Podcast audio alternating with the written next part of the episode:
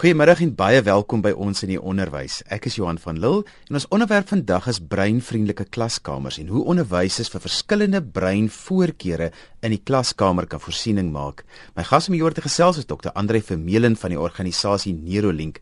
Andre, baie welkom. Voordat ons begin, vertel eers vir ons wat doen die organisasie Neurolink? Man Johan, weet jy wat Neurolink gaan daaroor om mense te bemagtig om meer te kan wees van wie hulle moet wees. Maar as ons nou baie spesifiek om deurtrek na die onderwys toe, dan dan gaan dit daaroor dat ons die leerder moet help om maksimaal te kan presteer in 'n baie uitdagende wêreld. So ons gaan kyk na al die drywers wat breinprestasie beïnvloed, soos breinfiksheid, uh stres, dieete, hulle informasieproseseringsstyle, hulle leerstyle, die impak van die fisiese omgewing wanneer hulle leer uh, en ook jy weet het hulle genoegsame en die korrekte leervaardighede. So dis die goed waarna ons gaan kyk en dan gaan kyk ons hoe kan ons hulle bemagtig met toepaslike vaardighede om hulle prestasie te kan verbeter. So in terme van die opvoeding is dit wat ons doen. Nou Andre, ek wil graag na die klaskamer te beweeg en ek sê baie keer is klaskamers nie breinvriendelike omgewings nie. Hmm. Kom ons begin en ons praat eers oor dominansie in daardie konteks. Ja. Weet jy, ek is so bly jy vra vir my daai vraag Johan, want ons het 'n dominante brein, oog, oor en hand en dominansie beteken nie sterkste nie, dit beteken ook nie dis die enigste deel wat werk nie, maar is die deel uh, van ons brein wat die leidende rol neem om inligting aktief te prosesseer. So al kyk ek na jou met albei oë en ek moet fokus sal 70 tot 80% van dit wat ek aktief prosesseer in my geval deur my dominante oog na die teenoorgestelde kant van die brein toe gaan. So jou dominansie rol is baie belangrik dit beïnvloed hoe jy hoe jy dink, hoe jy leer, gaan beïnvloed of jy meer ongeluksvatbaar is in die werksplek, ouens wat met gevaarlike masjinerie werk en hy het 'n sekere dominansiepatrone kan maak dat hierdie ouens baie ernstig seer kan kry selfs 'n noodlottige ongeluk kan hê. Maar gaan kyk ons die twee hemisfere, jy het een brein maar die twee hemisfere se prosesseringsfunksies verskil. En die linkerkant van die brein beheer die regterkant van die liggaam en regs beheer links. Maar al jou dominante sintuie is nie noodwendig almal aan die teenoorgestelde kant van jou dominante hemisfeer nie. So daar is 16 verskillende maniere van hoe mense inligting prosesseer. Soos wat ons uh, luisteraars nou daarna ons sit en luister. Gaan party mense meer fokus op hoe praat ek, hoe vinnig, hoe hard, hoe sag, hoe stadig hou hulle van my stemtoon? Hulle luister na hoe ek dinge sê. Dan is daar ander mense wat weer luister na wat sê die man die feite? Of ek nou hard, sag, vinnig, stadig praat, dit pla hulle nie Wat is die feite? Dan is daar ander ouens wat gebalanseerd luister na die wat en die hoe. En dan is daar ander ouens wat dink man, jy weet ek eintlik eerder op die ou se webwerf gaan kyk en nou, miskien 'n artikel lees, maar ek is luister is nie vir my nie. So ons het almal verskillende dominansiepatrone en dit maak dat ons oog Die geestesoog waarmee ons na ons wêreld kyk is eintlik verskillend. Jou regsooghou is byvoorbeeld meer bysiende, jou linkerooghou is meer versiende. Jou regterooghou uh, verkies om eintlik met sy oog te lees van links na regs, soos wat ons lees in ons samelewing, maar die linkerooghou van regs na links. Maar dis nie hoe ons lees in ons samelewing nie. So party ouens hou van lees en ander ouens hou nie van lees nie.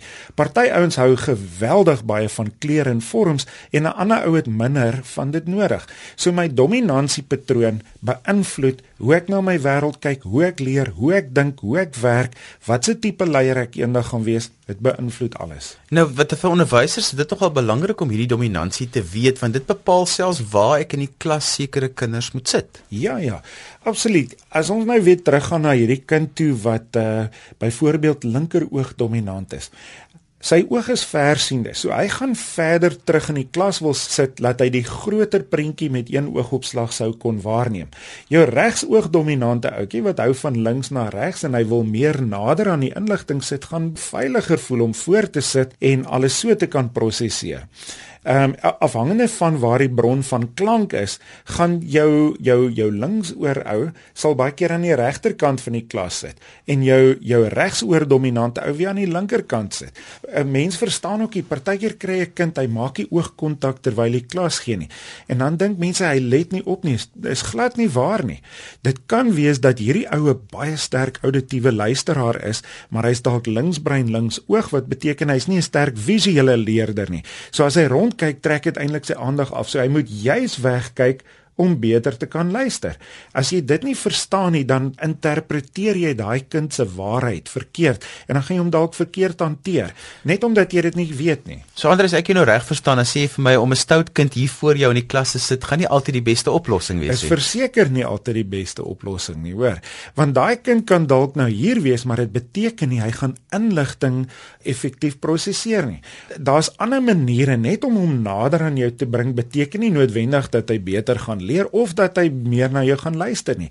So ons gaan meer kreatief as opvoeders moet wees, maar ons moet dink die groter prentjie is hierdie kind is by my in die klas om iets te leer. En ek kan nou dink ja nee, hy gaan nou hierso sit en dan gaan dit lyk baie keer lyk dit of hy iets leer aan leer hy glad nie. Baie keer lyk dit of hy nie iets leer nie, dan sy besig om baie te leer.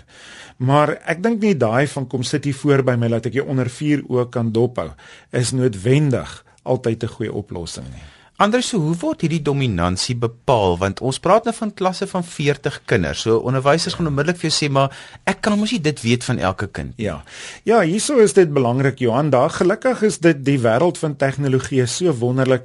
Uh ons het vraelyste ontwikkel wat mense nou aanlyn kan doen. Kinders het mos nou almal deesdae 'n selfoon. So hy doen dit sommer op sy selfoontjie en by 'n uh, antwoord hierdie vraag en om hierdie druk van 'n knoppie het hy 'n 18 of 'n 21 bladsy uitdruk wat al hierdie inligting vir hom van homself vertel wat hy vir sy ouers kan gee. Ehm um, ek dink is baie belangrik dat selfs ouers dit oor hulle kinders moet verstaan. Jy weet 'n ouer se werk is om geleenthede vir die kind te skep dat die kind kan word wie hierdie kind moet wees. Maar argumente onthou, ons praat nou weer van die linksoogkind. Hierdie kind het byvoorbeeld dalk 'n vermoë om geweldige goeie oog vir kunste en vir die visuele of vir fotografie. Maar jy moet dit weet van die kind. En partykeer nou dink jy is goeie raad om hom in 'n rigting in te forceer wat vir jou dalk goed gewerk het, maar jou kind se bedrading lyk dalk heeltemal anderste en daarom gaan dit nie goed werk nie. So ek dink onderwysers, ouers en die leerders self moet hierdie goed van hulle self verstaan. Ek ek kyk na jou en ek sien, "Joeg, jy's 'n ou met great kwaliteite." Maar ek het nie die kwaliteite wat jy het nie, so dit gaan nie help ek probeer jy wees nie. I'm going to set myself up for failure.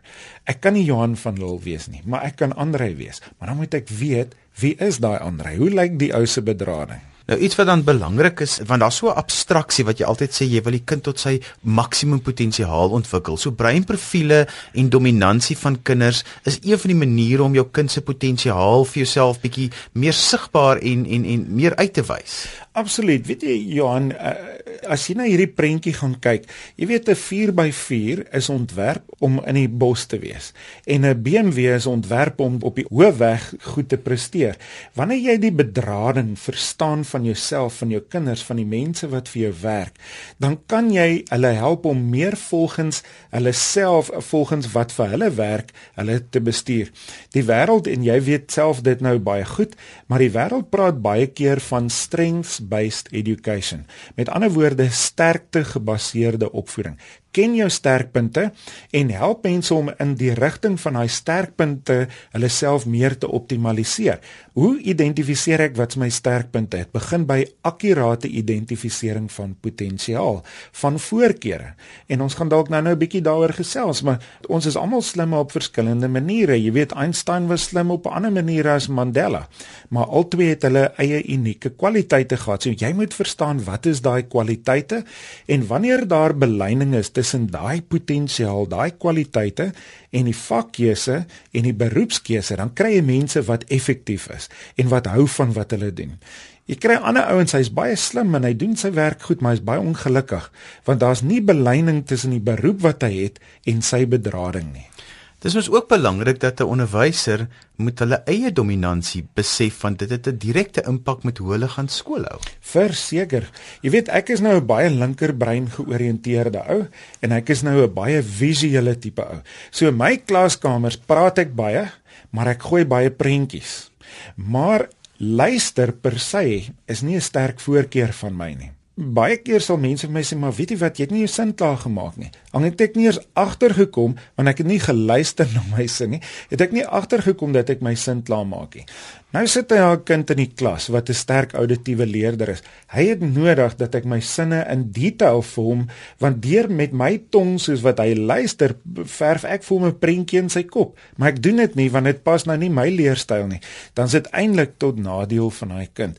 So ja, ons jy weet wie ons is maak dat ons dit wat ons het in die klaskamer op 'n sekere manier aanbied, maar dit kan wees dat daar ander kinders is wat se leerstyle dan nie geakkommodeer word nie. So Andre, hoe lyk 'n breinvriendelike, dominansievriendelike klaskamer? Weet jy, interessant, ek was nou net gister hierso by Stellenbosch gewees en hulle is van ons ontwikkelingsvennote en hulle het 'n baie futuristiese lokaal waarby ons betrokke was om vir hulle riglyne te gee tot die ontwerp van die lokaal en die lokaal is nou om 'n breinvriendelike lokaal te ontwerp waar die leerder maksimaal kan funksioneer. En dit kom eintlik daarop neer as ek dit so eenvoudig kan stel. Jy weet God het vir ons geweet wat is die beste vir ons. En alles soos die Here dit gemaak het, blou lig, groen bome, die klank van water, uh, al daai goed komplementeer leer geweldig want dit maak dat ons chemikalieë vrystel wat ons noem neurotransmitters wat boodskappe gelei, jou immuunstelsel sterk maak en selfs jou energie gee. So kleur is is kos vir die siel. Dis die eerste ding. Dan goeie geure, goeie klanke. Ons het gister byvoorbeeld die audio stelsel wat in die uh, klaskamer is. Maak ons dat ons speel byvoorbeeld barokmusiek wat gekombineer word met klanke van die natuur. Want dit maak dat die mense breingolfritmes in alfa staat ingaan. Maar as my brein in alfa staat in is, dan dan eintlik vir, vir ons luisteraars, hy ontspan. Maar wanneer ek ontspan, kan ek tot 5 maal groter volumes inligting inneem. So selfs die klanke wat ek hoor, die reuke wat ek ruik, uh die kleure wat ek sien, selfs die teksture van die materiaal waarmee ek werk uh as ek leer, as ek by die huis is, het 'n baie groot impak. Tekstuur, ons praat van men, meeste van ons luisteraars sal hou daarvan om eerder uit 'n glas uit water te drink as om uit 'n plastiekkoppie uit te drink. Hoekom? Want glas verteenwoordig meer van 'n natuurlike tekstuur. So gaan meeste mense meer van leer hou as wat hulle van kunsmatige leer hou. Maar ons besef nie wat die groot impak op die neurotransmitter vervaardiging het wat sulke klein goedjies het nie. So in 'n neutedop, uh, Johan, hoe lyk 'n futuristiese klaskamer? Daar moet baie natuurlike lig en minder wit lig, fluoresent lig wees. So baie lig, baie stimulerende kleure. Hoe jonger die kinders, hoe helderder, maar ek eh, die die die eh, jy weet 'n oerwoud kleur. Ek gister toe, toe loop ek op Stellenbosch Universiteit en ek sien hierdie lieflike blou lig met hierdie pragtige groen eikebome en ek dink, Here, ek is besig om 'n neurotransmitter bad te kry hierso. Jy weet want dit dit maak jou goed voel want dit is so mooi. En ek jy hoef net rond te kyk en laat jou liggaam vir jou sê waarvan hou jy. Maar die klaskamer moet ook 'n plek wees as hy kind daar instap, moet hy geniet om daar te wees. En dit gaan nie net oor die sielkundige omgewing, dit gaan oor die fisiese omgewing. Hou hy van wat hy sien? Wat hoor hy? Wat sien hy? Wat ruik hy? Wat proe hy? Wat voel hy daar? Daar moet eenvoudige goed soos beskikbaarheid van water. 75% van alle leerders is kronies gedihidreer. Daar's nie genoegsame water beskikbaar in in dinge nie. Jou die die lig in jou klas uh uh, uh moet negatief geïoniseer word sodat jy baie goed kan konsentreer. Maar menslike stemme en baie rekenaars en ons stap ons nou die pad van tegnologie. Daai goed ioniseer die lig positief, maar dit maak dat jou konsentrasie afneem. So goed soos 'n water featuretjie. Uh plante in die omgewing is alles ligfilters wat die kwaliteit van jou lig weer help herstel. Jy weet of ten minste maak dan die vensters oop dat daar 'n natuurlike deurvloei van lig is, maar jy weet as jy nou daarin Gauteng bly dan is dit ook bevraagtekenend of jy werklik uh, 'n uh, suiwer lig inasem en so. Maar ek dink miskien Johan om dit in 'n neute dop vas te vat. Soos God die natuur gemaak het met sy natuurlike geure, kleure, klanke, is nog steeds die beste vir ons. En hoe meer geraas, hoe meer onnatuurlike wit lig, ehm um, hoe meer die die kwaliteit van lig versteur word. Enigiets wat versteur word maak dat jou brein swakker presteer. So ja, 'n onderwyser moet kreatief wees, maar kleur, kleur en kleur moet hulle inbring en dit moenie net een keer in 'n jaar wees nie. Dit moet beweeg. Jou brein hou van beweging. So goed moet rondskuif en jy, jy kan nie dieselfde plakkaat vir die volgende 10 jaar op dieselfde plek op dieselfde muur hê nie. Want dis wat ek juist wil vra. Jy kom baie keer in klaskamers, dan kan jy sien wat in daai muur is is daar vasgesit die dag ja. toe jy in daai klas begin het. Ja. Hoeveel kry kinders van wat op die mure staan? Wat leer hulle daarvan? Mure kan baie kragtig aangewend word as die inligting op die muur roteer. As dit te lank daar bly, dan sien mense dit nie meer raak nie. Die ander ding is ons moet die boodskap van dit wat op die muur is, moet ons kan verstaan. So as ek iets geleer het en daar is baie spesifiek vir my verwys na daai plakkaat toe en ek verstaan waaroor dit gaan, dan op 'n onderbewuste manier gaan ek selfs as ek daar verbystap gaan daar nog steeds herhaling en versterking van daai boodskap wees. Maar op 'n stadium as ek goed sien maar ek verstaan nie waaroor dit gaan nie, kan daar ook nie versterking wees van iets wat ek nie verstaan nie. En dan beteken dit niks nie. En dis ongelukkig die probleem as baie keer goed teen mure. En ek praat selfs van die werksplek. Ek het nou by 'n groot uh organisasie gewerk waar daar hulle alles sit alles teen die mure, maar is dit dit visuele geraas geword. Niemand sien dit raak nie en niemand weet eers meer dis daar nie want hulle kyk nie, hulle sien dit nie meer raak nie en hulle is ook nooit bewus gemaak daarvan of weet wat dit beteken nie. Ons gesels vandag oor breinvriendelike klaskamers en hoe onderwysers vir verskillende breinvoorkeure in die klaskamer kan voorsiening maak. My gas is Dr. Andri Vermeulen van die organisasie Neurolink. Nou Andri, ons het nou al lekker oor dominansie gepraat en ons het gepraat oor 'n uh, hoe lyk 'n breinvriendelike klaskamer? Maar iets anders wat jy genoem het wat verskriklik belangrik is vir onderwysers om te weet, maar ook ouers, is leervoorkeure. Vertel vir ons wat jy daarmee bedoel. Ja. Jy weet, ek weet jy's nou baie kundig, jy ken uh, Howard Gardner se werk baie goed. Uh maar die vraag is, jy weet soos hulle dit nou sal sê, the question today is not to ask am I smart or am I dumb, but rather to ask how am I smart? Hoe is ek slim? En daar is ten minste 11 verskillende maniere van leer. En en dit beteken jy weet die Here het party mense slimmer as ander gemaak. Die Bybel praat daarvan dat party mense 5 talente het, ander het 2 en ander het 1, maar die goeie nuus, almal het 'n talent. Ehm um, maar die vraag is wat is die talent wat jy het? Want uh, ons is almal slim maar op verskillende maniere. Mozart was musiek slim. Einstein was wis uh, wetenskap slim. Nelson Mandela is interpersoonlik of mense slim geweest. So daar is daar's uh, daar's 'n uh, um, logies wiskundig slim, daar's visueel ruimtelik. So logies wiskundig is nou jou ingenieurs en jou ouens wat abstrakte denkers is. Hulle hou van wiskunde en wetenskap en daai goed. Dan is daar jou visueel ruimtelike ouens. Dis jou argitekte en jou ontwerpers. Hierdie mense het prentjies in hulle koppe en dit verkonkretiseer hulle deur 'n gebou te bou of 'n ontwerp te maak. Ehm um, maar jy kry dan ook jou fisiese kinestetiese slim. Dis jou beweging slim en ek dink Johan jy moet ook beweging slim wees want jy sit met 'n pen in jou jy's die heeltyd is jou hande besig om met En ek kan nie anders dink nie en ek dink dis eintlik die belangrike ding wat onderwysers moet weet omdat ek kan nie dink as ek nie met my potlood speel nie. A absoluut. Johan, ek is self een van daai ouens. Ek kan nie dink as ek nie beweeg nie en as iemand vir my sê sit stil dan voel dit vir my ek, ek het ophou dink. Navorsing sê omtrent so 2-43% van mense is bewegingsleerders. Maar dan kom ons wêreld met 'n leen en sê sit stil.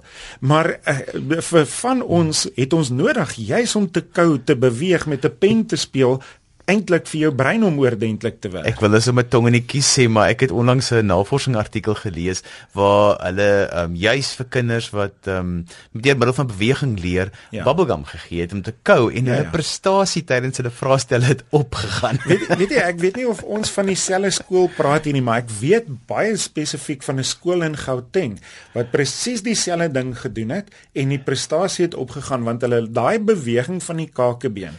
As 'n ou nou net daarna gaan kyk, navorsing sê vir ons wanneer ek beweeg, stimuleer ek 'n deel in die brein wat ons noem die retikulêre aktiveringsstelsel, maar hy maak jou brein wakker. So wanneer jy beweeg, dan hou hy jou wakker en hy help jou om effektief te prosesseer en dis hoekom ek en jy bewegingsouens is. So eh, daar's nou hierdie ou en hulle is jou sportmense, hulle is jou uh uh jou musikante, hulle is tegnisi of meganikuste, maar hulle moet iets doen. Hulle moet besig wees. Byvoorbeeld vir jou wanneer jy iets leer, gaan jy baie keer sê, "Man, maar ek wil voel hoe werk dit wat jy nou van praat hier. Laat ek dit 'n bietjie inoefen of uitprobeer, dan gaan ek vir jou sê wat dink ek af en dis jou bewegingsleerder. Dan kry jy jou sintuiglike slim mense. Dis nou jou uh interieur decorators en 'n ou so Steven Spielberg, maar hulle gebruik uh, uh hierdie uh Gordon Ramsay wat die die chef is wat so die kos so maak wat so lelik praat daar op die TV en goed maar hulle gebruik hulle sintuie om hulle werk te doen so 'n chef gebruik sy smaaksintuig om sy werk te kan doen. Die interieur decorator gaan kyk na hulle oë en hoe ryk dit, hoe lyk dit, hoe voel die die tekstuur van die materiaal ensovoorts. Ehm um, die die hierdie mense sien en ryk en hoor en proe en voel goed wat ander mense nie eens bewus van sal wees nie. So hulle het 'n geweldige ryk ervaringswêreld en mense wat ander mense nie eens van gaan weet nie. Want die gewone formele skoolsituasie is so verbaal dat dit eintlik baie keer hierdie leervoorkeure uitsluit. Ja, weet jy, ek byvoorbeeld as jy nou kinesteties slim is soos ek en jy, dan kan ouens partykeer sê, "Hoe wat fout met jou of hoe gee vir hom net 'n bietjie medikasie daar dat hy net kan stil sit." Maar sintuiglik slim, dit word nie in 'n IQ toets vasgevat nie. Hoeveel vakke is daar regtig waar jy jou sintuie kan gebruik om te leer en om 'n werk te gaan doen waar jy jou sintuie aktiveer? Ehm um, dan is daar byvoorbeeld die volgende een is musikale intelligensie. Een uit 4 hoërskole bied nog musiek as 'n vak aan. Daar's hierdie persepsie dat musiek nie waarde het nie.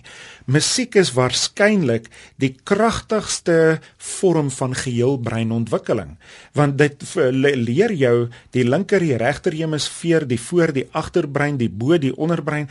Jy moet die hele brein inspann om 'n musiekinstrument te kan bespeel. En dit help vir wiskunde. Musiek komplementeer prestasie in wiskunde. Nou maak ons in Suid-Afrika wiskunde verpligtend.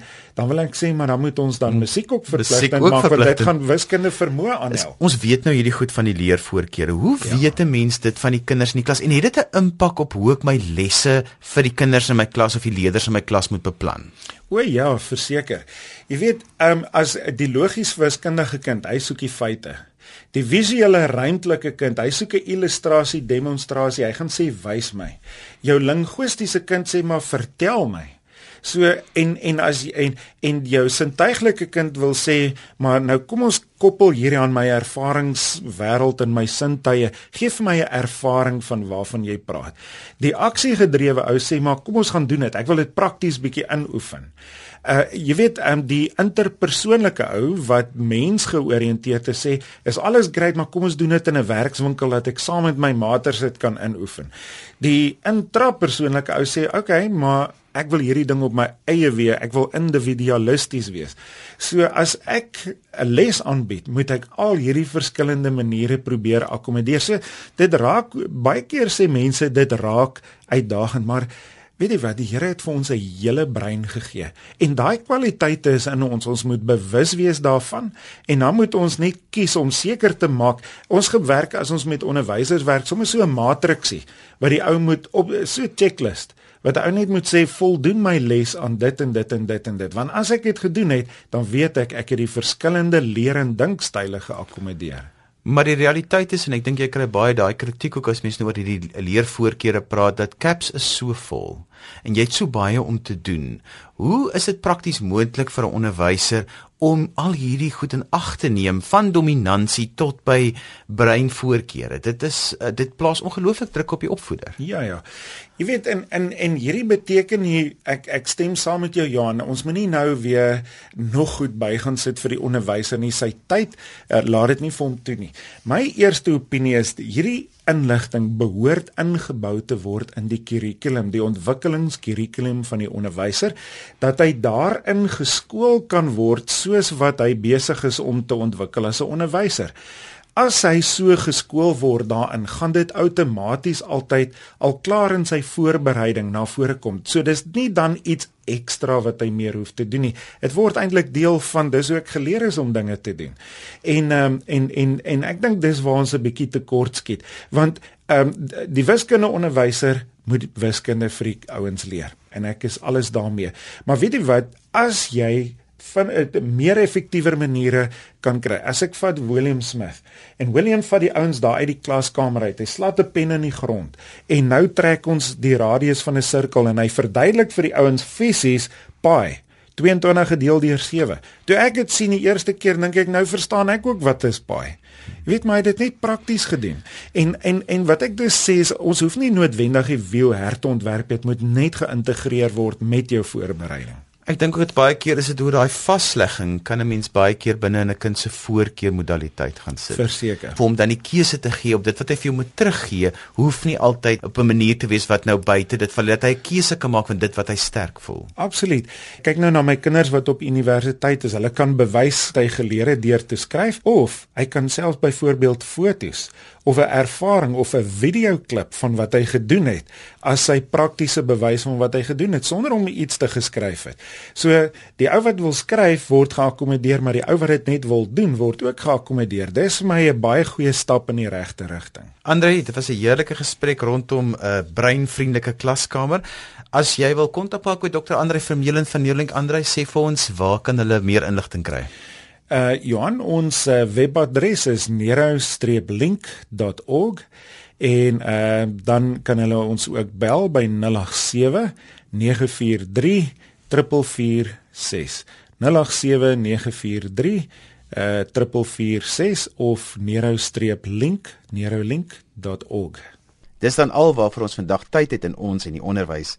Indien jy enige navrae oor die program, kontak my gerus per e-pos by onderwys@wwd.co.za. Tot volgende week van my Johan van der Totsiens.